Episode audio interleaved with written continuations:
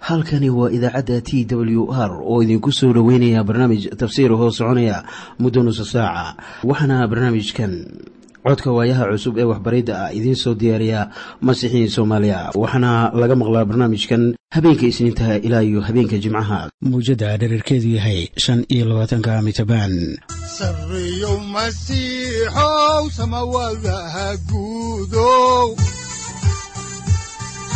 siraadkii adduunkow subanaha eebow sareyow masiixow samawadaha guudow siraadkii adduunkow subanaha eebow ku soo dhowaada dhegeystayaal barnaamijkeenna dhammaantiinba. Waxaannu horay u sii ambaqaadi doonnaa daraasaadkii la magac baxay baibalka dhammaantii waxaannu caaway idiin sii wadi doonnaa cutubka toddobaad waxaanse ugu horraynta jeclaan lahayn in aan wada dhegaysanno qhasiidadan soo socota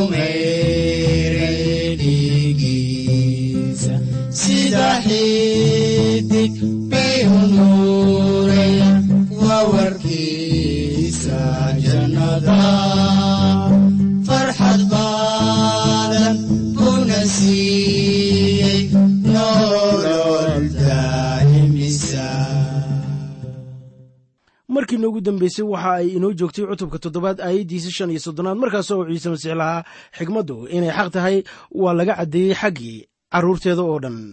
Waxaan maqlaa dadka oo leh anigu ma jecli wadaadkaas waayo waa mid xigmad doondoona oo mar kastana hadalka wuu ku soo celceliyaa waxay kaloo yidhaahdaan wadaadkaa kalena ma jecli waayo miiska ayaa uu garaacaa waana qaylo dheeryahay haddaba waxaan idinku leeyahay dhibaatadu ma ahan wadaadada laakiin waa dadkan qalbiga carruurta ka ah. Taasina waa wixii sayidka uu noo sheegay ee jiray beri hore oo ilaa iyo haatanna taagan.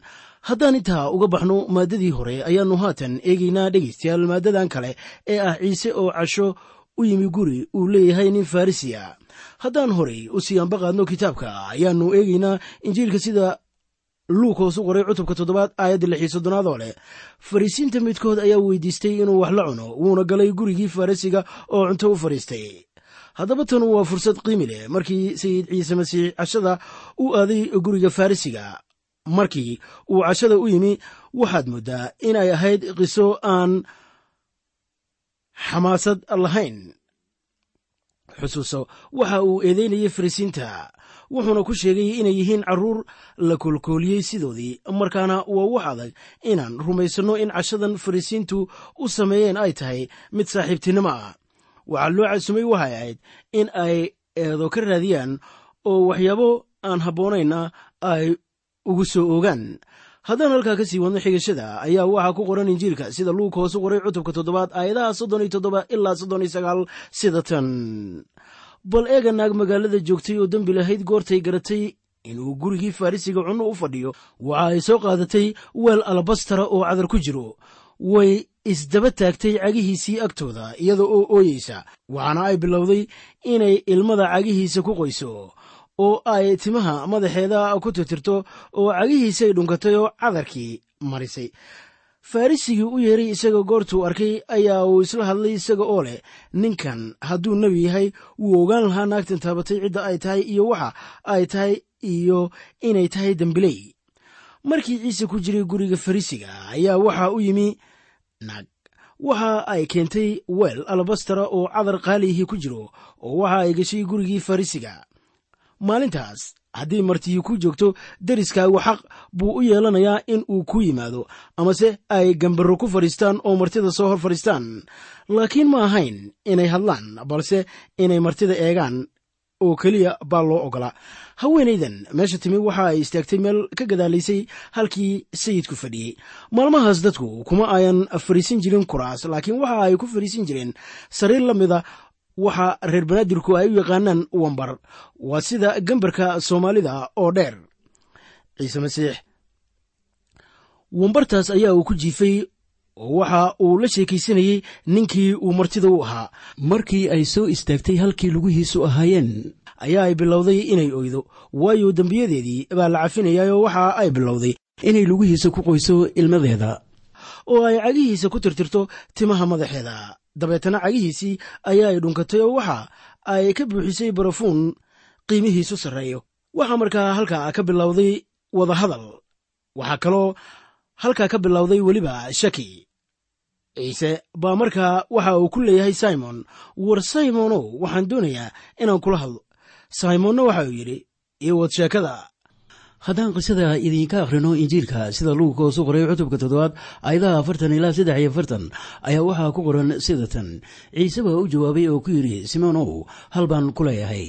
Waxa uu yidhi dheh macallimow waxaa jiray amaahiye laba nin amaah ku lahaa mid waxa uu ku lahaa shan boqol oo diinaar midka kalena konton goortii ay waayeen waxaay bixiyaan ayaa uu labadoodiiba u dhaafay.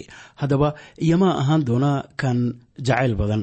Simoon baa u jawaabay oo ku yidhi waxaan u malaynayaa kan uu wax badan u dhaafay. Wuxuu ku yidhi si hagaagsan baad u qiyaastay. Tanu waxa weeye masaal wacan oo doctor luukos inoogu qoray injiilka waxaad ka garanaysaa nuxurka qisadan jihada sayidku qaadayo. Haddaan halkaa ka sii wadno ayaa waxaa ku qoran cutubka toddobaad aayadaha afar iyo afartan amaan idhaahdee aayadda afar iyo afartan sida tan. Kolkaasuu naagtii u jeestay waxa uu simon ku yidhi naagtan ma aragtaa anigu gurigaagaan galay biyo cagahayga iima aad siin laakiin iyadoo cagahayga ayaa ay ilmadeeda ku qoysay oo ay timaheeda ku tirtirtay. Markii ay soo gashayba sayidku wuu gartay haweenaydan laakiin sidaa isuguma uusan mashquulin laakiin haatan wuu u soo jeestay oo eegay iyada. Isaga oo fiirinaya ayaa uu ku yidhi simoon waa qofma qofka dhanka kale ee miiska taagan? Ma arkaysaa naagtaas? Haddaba simoon waxay la ahayd inaanu sayidku garan cidda naagtaasu ay tahay. Haddii kale buu islahaa ma oggolaadeen in ay oogadiisa taabato. Haatan sayidku waxa uu leeyahay simoonow miyaad xaqiiqa ahaan garanaysaa naagtan baleeg waxa ay kula tahay inaad garanayso laakiin innaba garan maysid. Sayidku ninkan waxbuu hoga tusaalaynayaa laakiin si waxa uu la hadlayaa doqonimo garataa haddaba waa sababtan tan anigu aan u rumaysanahay in sayidka aan si saaxiibtinimo ah loogu marti qaadin qadasharaf laakiin farrisigan waxa uu doonayey in uu hadallo ka helo. Haatan sayidku waxa uu leeyahay sida ku qoran injiilka sida luug hoosu qoray cutubka toddobaad aayadaha shan iyo afartan ilaa siddeed iyo afartan sida dhunkasho iima aad dhunkan iyadu sitan iyo wakhtigii aan soo galay kamay dayn inay cagahayga dhunkato. Madaxayga saliid ma aad marin iyaduse cagahayga ayaa ay cadar marisay. Sidaa daraaddeed waxaan kugu leeyahay dembiyadeedii badnaa waa cafiyan yihiin waayo aad bay u jeclayd. Kii wax yar loo dhaafay ayaa wax yar jecel oo waxa uu iyada ku yidhi dembiyadaadii waa cafiyan yihiin. Sayidku waxa uu leeyahay iima aadan martigelin sida caadadu tahay.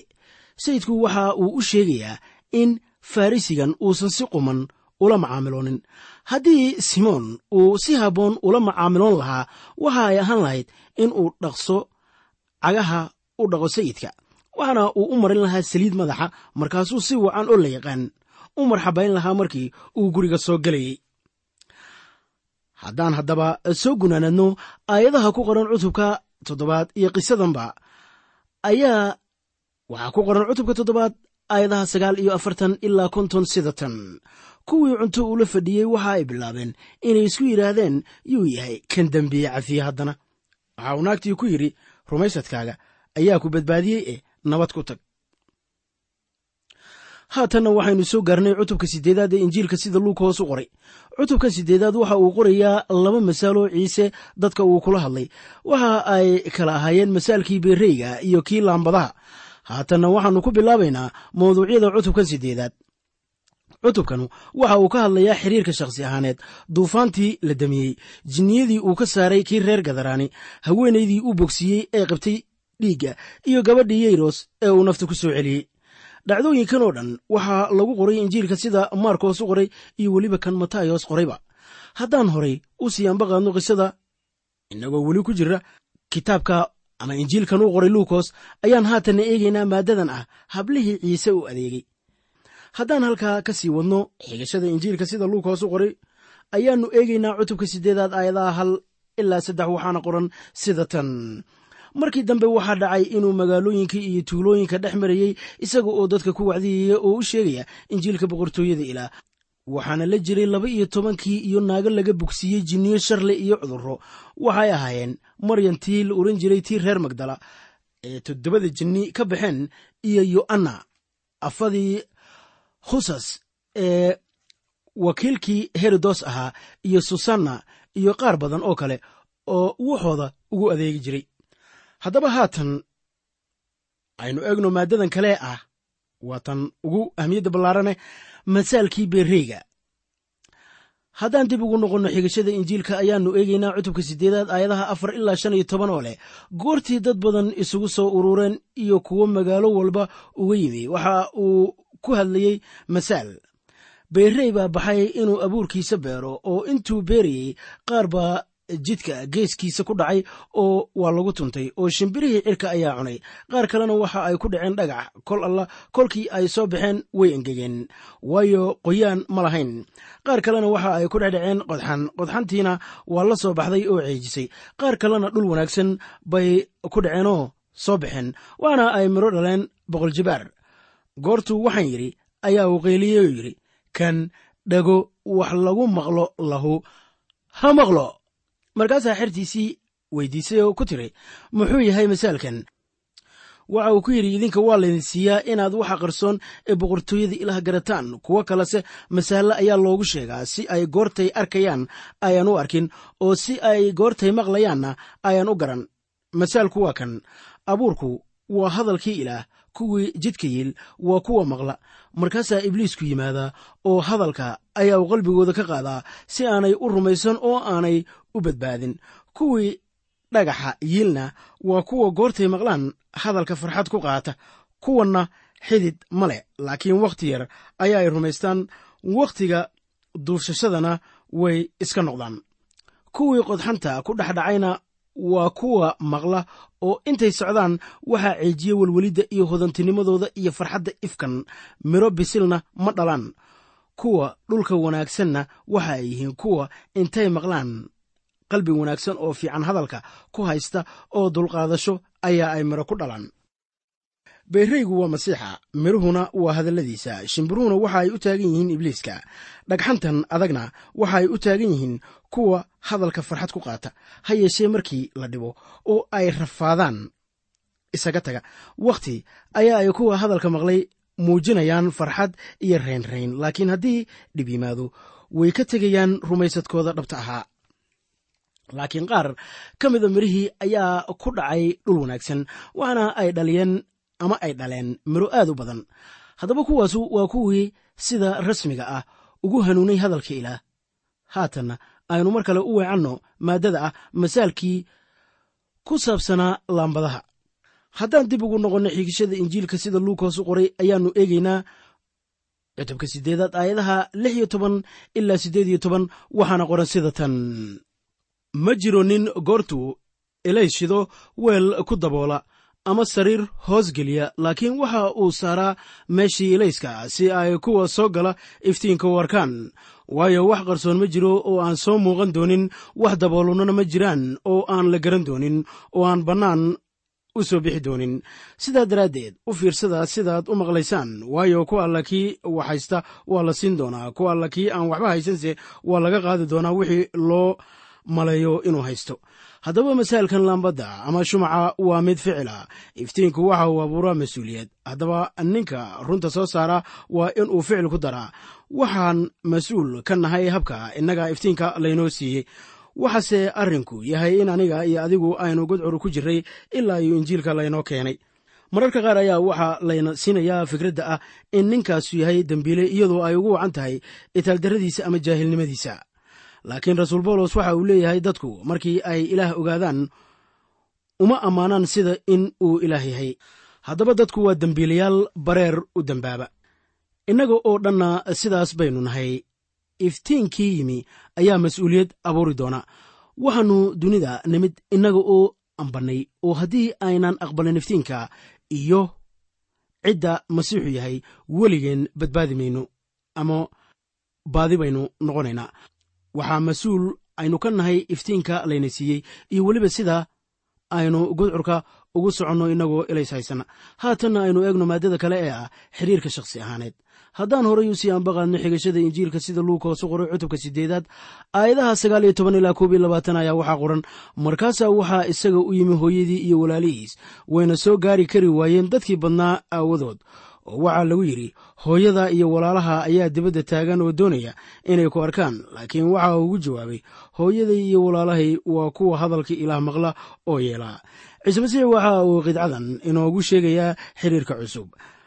Ma ahan in uu diidan yahay qoyskiisa laakiin waxa uu si qoto dheer u adkaynayaa arrin ka sarreeya xiriirka dadka ee ku yimaada wada dhalashada markii rumaystuhu ka baaraan dego qidcadaas waxa uu garanayaa sida ay ilaah ugu dhow yihiin. Haatanna aynu eegno maaddada ah ciise uu dejiyey duufaankii weli waxaynu ku guda jirnaa xigashada injiilka sida luuka hoos u qoray. Haatanna waxaynu eegaynaa cutubka sideedaad aayadaha labaiyo labaatan ilaa shan iyo labaatan waxaana qoran sida tan. Maalmahaas midood waxaa dhacay in uu dooni fuulay isaga iyo xertiisaba. Waxa uu iyaga ku yidhi dhanka kale oo badda aanu u gudubno. Goortaasay dhaqaaqeen.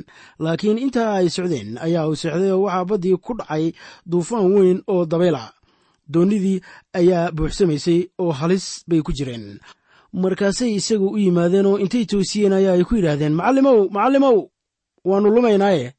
Kolkaasuu kacay oo canaantay dabayshii iyo hirarkii biyaha.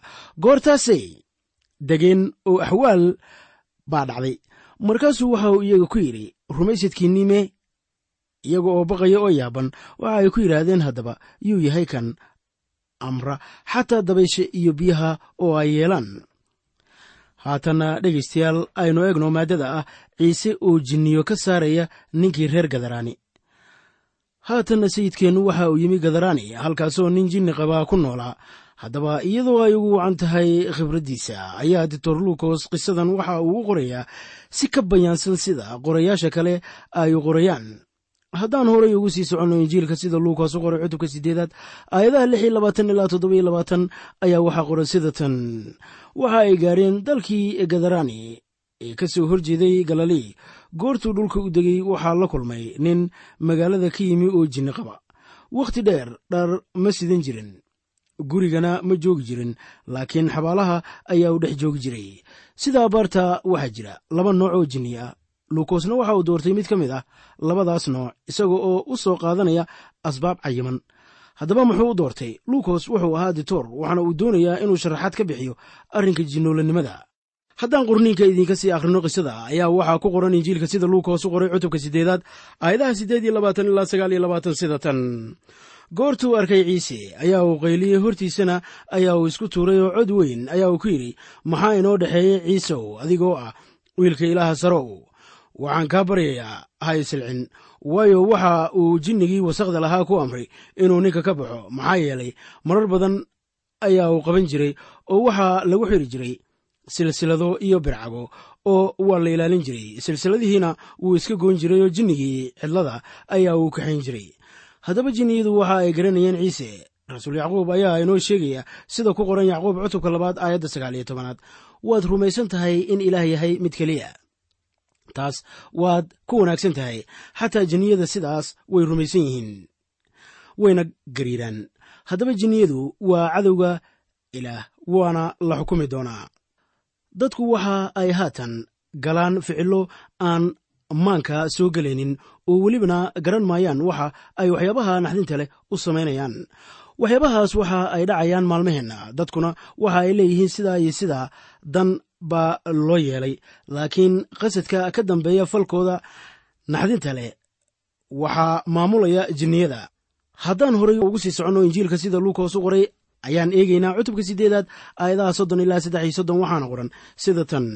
Markaasaa ciise weydiiyey oo ku yidhi magacaa oo waxa uu ku yidhi liijoon waayo jinniyo badan ayaa galay. Markaasay ka baryeen inaanu amrin in ay yameeska tagaan halkaa waxaa joogay daaqsin doofaara oo buurta daaqaya waxna ay ka baryeen inuu u fasaxo in ay kuwaas galaan. Kolkaasuu u fasaxay. Markaasay jinniyadii ninka ka baxeenoo doofaaradii galeen. Daaqsinta jarka hoos bay uga yaacday ilaa badda wayna ku baktiyeen haddaan halkaa ka sii wadno faallada kitaabka ayaa waxaa ku qoran injiilka sida luukoos u qoray cutubka siddeedaad aayadaha afar iyo soddon ilaa lix iyo soddon sida tan. Kuwii daajin jiray markii ay arkeen waxa dhacaya ayaa ay carareenoo dadkii magaalada iyo beerahaba ayaa ay u rameen kolkaasaa dadkii u soo baxay inay arkaan wixii dhacay.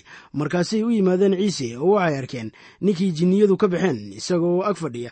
Ciise cagihiisa oo dharsita oo miyir qaba wayna baqeen. Kolkaasaa kuwii arkay waxa ay iyaga u sheegeen sida jinnoolihii loo bogsiiyey haddaba isbeddel la yaab leh ayaa ku dhacay ninkan.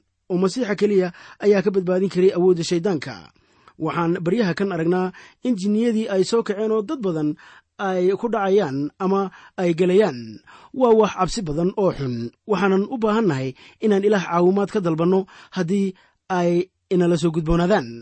Haddaan halkaa ka sii wadno kitaabka ayaannu haatan eegaynaa injiilka sida luukaas u qoray cutubka siddeedaad aayadaha soddon iyo toddoba ilaa afartan waxaana qoran sida tan. Dadkii oo dhan dalkii gadaraani ku wareegsanaa ayaa baryey inuu ka noqdo iyaga waayo. Baqdin weyn ayaa ay baqeen. Markaasuu doonni fuulay waana noqday. Laakiin ninkii jinniyadii ka baxeen ayaa ka baryey isaga inuu raaco. Laakiin wuu diray isaga oo ku leh gurigaaga ku noqo oo dadka ogeysii waxa weyn oo ilaah kuu sameeyey. Markaasuu tegayoo waxa uu magaalada oo dhan ku naadiyey waxa weyn oo ciise u sameeyey. Markii ciise noqday ayaa dadkii badnaa farxad ku qaatay waayo way wada sugayeen waa wax la yaab leh in dadkii gadarani isku soo baxeen oo ay weydiisteen in ciise ka tago soodimahooda. Sababtuna waxa weeye iyaga oo doonaya inay doofaarada dhaqaalaystaan intii ay ciise masiix xagsan lahaayeen. Haddaba taasu waa su'aal da'weyn oo madaxa daalinaysa wakhtigeennan aynu ku jirno maanta. Maxaa wacay? Waxaa jira dad doonaya inay waxyaabo kale oo sida doofaarka u xun ka doortaan inay raacaan masiixa haddaan faalladaas intaa uga baxno ayaannu haatan eegaynaa maaddada kale ee ku saabsan ciise oo bogsiinaya naag qabta dhiig iyo gabadhii yeyros oo la sara kiciyey markii ciise u soo noqday dhanka kale ee badda galilii ayaa dad badan isu soo urureen waxaana dadkaa faraha badan ku jiray laba qof oo dhibaato weyne haysay. Haddaan eegno injiilka sida luukas u qoray cutubka siddeedaad aayadaha koob iyo afartan ilaa afar iyo afartan ayaa waxaa ku qoran sida tan oo baleeg waxaa yimi nin yeyros la ohan jiray oo taliyaha sunagoga ahaan jiray. Waana uu isku riday ciise cagihiisa oo ka baryey inuu gurigiisa galo. Waayo gabadh keliya buu lahaa iyada oo abbaaraha laba iyo toban sannadood jirtay wayna sakaraadaysay laakiin intuu socday dadkii badnaa ayaa cidhidhiyey naag laba iyo toban sannadood dhiigbixid qabtay oo wixii ay ku noolaan lahayd oo dhan dhakhtarro ku bixisay oo ku bogsan kari weyday midna xaggiisa ayaa dhabarkiisa timi oo taabatay maradiisa darafteeda. Kolkiiba bixiddii dhiiggeeda ayaa ka joogsatay. Yeyros waxa uu yimi ciise si uu gabadhiisa ugu bogsiiyo mase ahan inuu dhimashada ka sara kiciyo. Rumaysadkiisu wuu yaraa laakiinse waxa uu ku jiray xaalad argagax badan. Waxa uu rumaysnaa in ciise taabto iyada. Markii ciise bilaabay inuu yeyros wax ka qabto xaaladdiisa ayaa dad badani dhankiisa u soo ordeen oo waxaa halkaa joogay. Naag dhiig ka joogsan waayey muddo fara badan. Waxaa dhibkeedu soo taxnaa ilaa iyo muddo laba iyo toban sannadood ah. Gabadha yeyrosna waxa ay jirtay laba iyo toban sannadood. Markaana waxaa soo dhammaanaya laba iyo toban sano oo gudcur ah iyo laba iyo toban sannadood oo iftiinana way sii naaqusmayaan waxaa loola jeedaa in naagta dhiigga qabta ay dhowaan bogsan doonto oo gabadha yayrosna ay dhimanayso isla saacaddaas. Haddaan horay u sii ambaqaadno injiilka sida luug hoosu qoray ayaa waxaa ku qoran cutubka sideedaad aayadaha shan iyo afartan ilaa siddeed iyo afartan sida tan. Markaasaa ciise yidhi yuu yahay kani taabtay. Markay wada dafireen butros iyo kuwa la jiray waxa ay ku yidhaahdeen macallimow dadkii badnaa ayaa ku jiraya oo ku cidhiirinaya laakiin ciise waxa uu yidhi qof baa itaabtay waayo waxaan gartay in xoog iga baxay. Naagtii goortay aragtay inaanay qarsoonaan karaynin ayaa ay timid iyada oo gariiraysa oo hortiisa isku riday oo u caddaysay dadkii oo dhan hortooda waxa ay u taabatay iyo sida ay markiiba u bogsatay. Kolkaasuu waxa uu iyada ku yidhi gabadhoy rumaysadkaaga ayaa ku bogsiiyey ee nabad ku tag. Ciise ma uusan taaban naagta balse iyadaa taabatay oo islamarkiiba waa la bogsiiyey xusuuso in dadkii badnaa ay isugu soo urureen ciise masiix. Xertuna markii ay arkeen dadkii oo iscidhiirinaya ayaa ay garteen in ay taabteen dad badan. Welibana hal naag baa la bogsiiyey. Haddaan horay uga sii soconno ayaa waxaa ku qoran injiilka sida luukos u qoray cutubka sideedaad aayadda sagaal iyo afartanaad ilaa tan koob iyo kontonaad. Sida tan intuu weli hadlayey waxaa gurigii taliyaha sinagoga ka yimi nin ku leh gabadhaadii waa dhimatay ee macallinka ha dhibin. Laakiin ciise goortuu maqlay waxa uu ugu jawaabay habaqin ee iska rumayso wayna bogsan doontaa. Markuu guriga yimi ninna uma oggolaanin in uu la galo. Butros iyo yuxanaa iyo yacquub iyo gabadha aabbaheed iyo hooyadeed maahee haddaan halkaa ka sii wadno ayaa waxaa ku qoran injiilka sida luukos u qoray cutubka siddeedaad aayadaha konton iyo labo ilaa konton iyo lix sadatan kulligood waxa ay u ooyayeen oo u baruuranayeen iyada laakiin waxa uu ku yidhi ha ooyina iyadu ma dhiman waase hurudaa wayna ku qosleen iyagoo og inay dhimatay markaasuu dadkii oo dhan dibadda u saaray oo uu gacanteeda qabtay oo uu qayliyey isaga oo le yartooy kac ruuxeedii ayaa ku soo noqday oo markiiba way kacday oo waxa uu amray in cunto la siiyo iyada. Waalidkeedii way yaabeen wuxuuse amray inaanay ninna u sheegin waxa dhacay. Markii ay gaareen gurigii yeyros dadkii xabaaloqodayaasha ahaa ayaa diyaarinayay sidii gabadha loo aasi lahaa.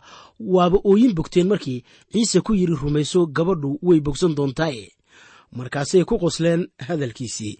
Waxase ay ku qosleen waxay ahayd rumaysa diridooda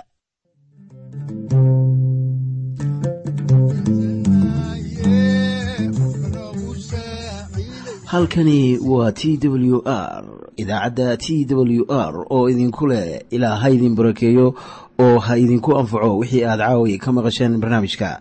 Haddiise aad doonaysaan in aad fikirkiina ka dhiibataan wixii aad caawi maqasheen ayaad nagala soo xiriiri kartaan som t w r at t w r c o k e. Dhegaystayaal haddii aad doonaysaan inaad mar kale dhegaysataan barnaamijka fadlan mar kale booqo www t t b o r g ama www t w r o r g halka sare waxaad ku arkaysaa markii aad gasho language ama luuqadda waxaana dooranaysaa soomaali. Haddii aad doonaysaan in aad dejisataan oo kaydsataan barnaamijka ama aad mar kale dhegaysataan fadlan mar kale booqo www t t b t w r o r g ama www t w r o r g haddii aad doonayso in laga kaalmeeyo dhinacyada fahamka kitaabka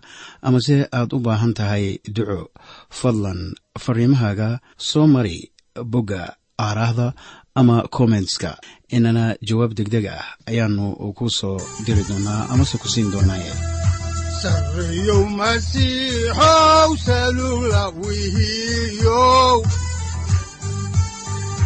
Saacadda timid dhulka sabada ku dhalatiyo